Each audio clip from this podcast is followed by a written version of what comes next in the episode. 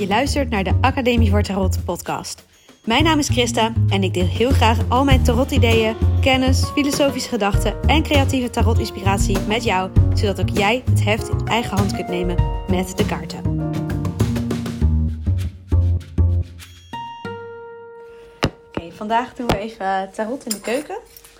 Ik sta een uh, zoete aardappel te schillen en uh, pompoen ben ik aan het maken. Ik ga een soort stampotje maken vanavond. Dus ik dacht, ehm, ja, ik ga gewoon eventjes uh, een podcast opnemen tijdens het koken. en um, ik voelde vandaag heel erg uh, twee van pentakels energie. En uh, op de twee van pentakels zie je iemand die ballen aan het hoog houden is. En ik had heel erg het gevoel dat ik aan het juggelen was met ja, verschillende verantwoordelijkheden tegelijk proberen vol te houden. Um, zowel mijn gezin als mijn werk. En dan op beide fronten nog verschillende dingen. Dus ik was uh, um, bezig met uh, nieuw cursusmateriaal. Maar ik was ook in contact met cursisten. En ik was ondertussen uh, mijn kindje aan het voeden. En we zijn hier aan het proberen het internet te fixen, want er lopen wel dingen verkeerd. Nou, um, zo liep er eigenlijk van alles tegelijk, waardoor ik eigenlijk gebrek aan focus had. En ik dacht ineens: oké, wat moet ik doen? Ik moet gewoon even een tarotkaartje trekken. Uh, en wat ik nu gedaan heb, is ik heb uh, de twee van pentakels uit mijn deck gezocht. Want ik had zoiets van: oké, ik ervaar dus heel erg die energie. En die energie ervaar ik nu op een negatieve manier. Um, dus hoe kan ik daar nu mee omgaan? En uh, ik vind het altijd wel mooi om kaarten niet alleen maar te trekken, maar ook zelf te kiezen. Dus als je iets hebt wat speelt, dan kun je gewoon die kaart tevoorschijn halen waar de situatie je aan doet denken. En nu heb ik dus die kaart voor mijn neus gelegd en daarnaast gevraagd: um, hoe kan ik nu omgaan met deze energie? Wat kan ik doen om eventjes tot, uh, ja, tot rust te komen? En uh, ik trok de tien van bekers. En op de tien van bekers zien we een gezinnetje. Dus het eerste wat ik dacht was: nou, even de focus op mijn gezin even de focus weg van mijn bedrijf. Um, om ja, wat minder tegelijk te gaan doen. Natuurlijk wel ironisch dat ik dan nu een podcast aan het opnemen ben daarover. Want nu ben ik dus niet het advies van de kaart aan het opvolgen, wat ik er in eerste instantie in zag. Um, maar ik vind het ook altijd interessant om niet alleen maar de eerste uh, betekenis zeg maar, te pakken en hup, go en door. Maar even te laten bezinken en te kijken van... hé, hey, wat voor andere, kaarten zitten er, andere kanten zitten er nog meer aan deze kaart?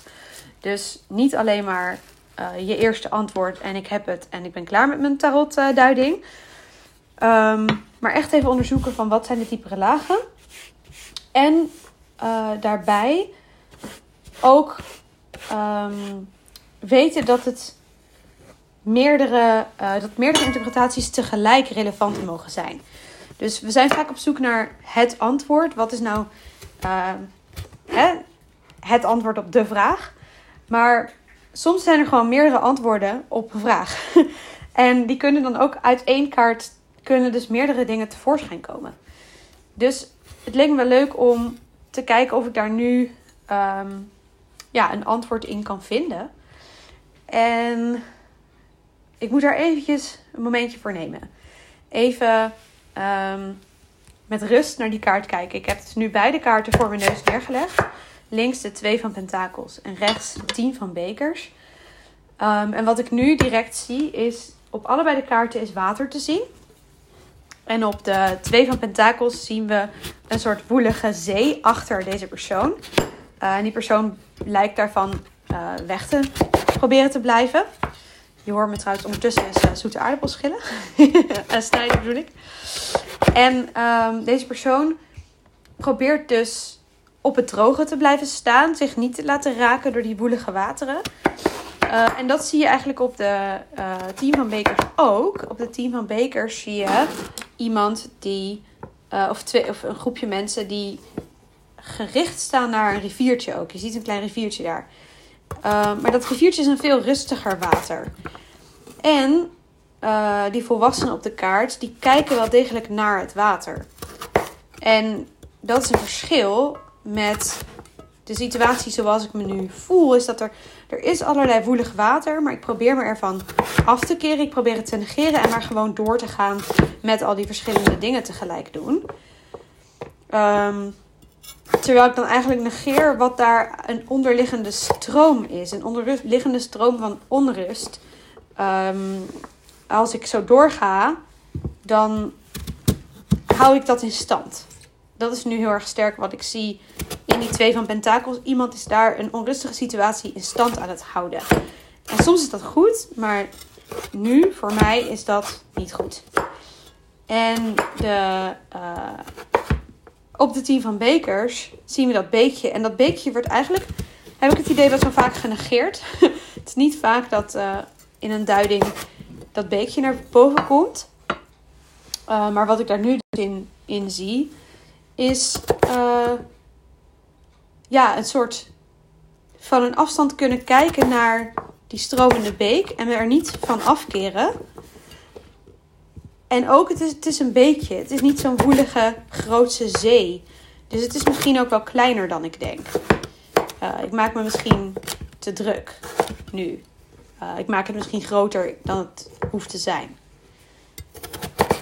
Ja, dat zijn nu de dingen die, die, die ik zie in deze kaarten. Um, en concreet levert me dat op dat ik net gewoon even op een andere manier mijn eigen onrust kan bekijken nu. En soms hoef je dus niet per se een concreet antwoord te vinden van dat je ineens iets heel anders gaat doen. Soms is gewoon op een andere manier ergens over nadenken al genoeg om een antwoord te vinden ook op je vraag. Dus hoe kan ik nu omgaan met dat uh, Pentakels 2 gevoel?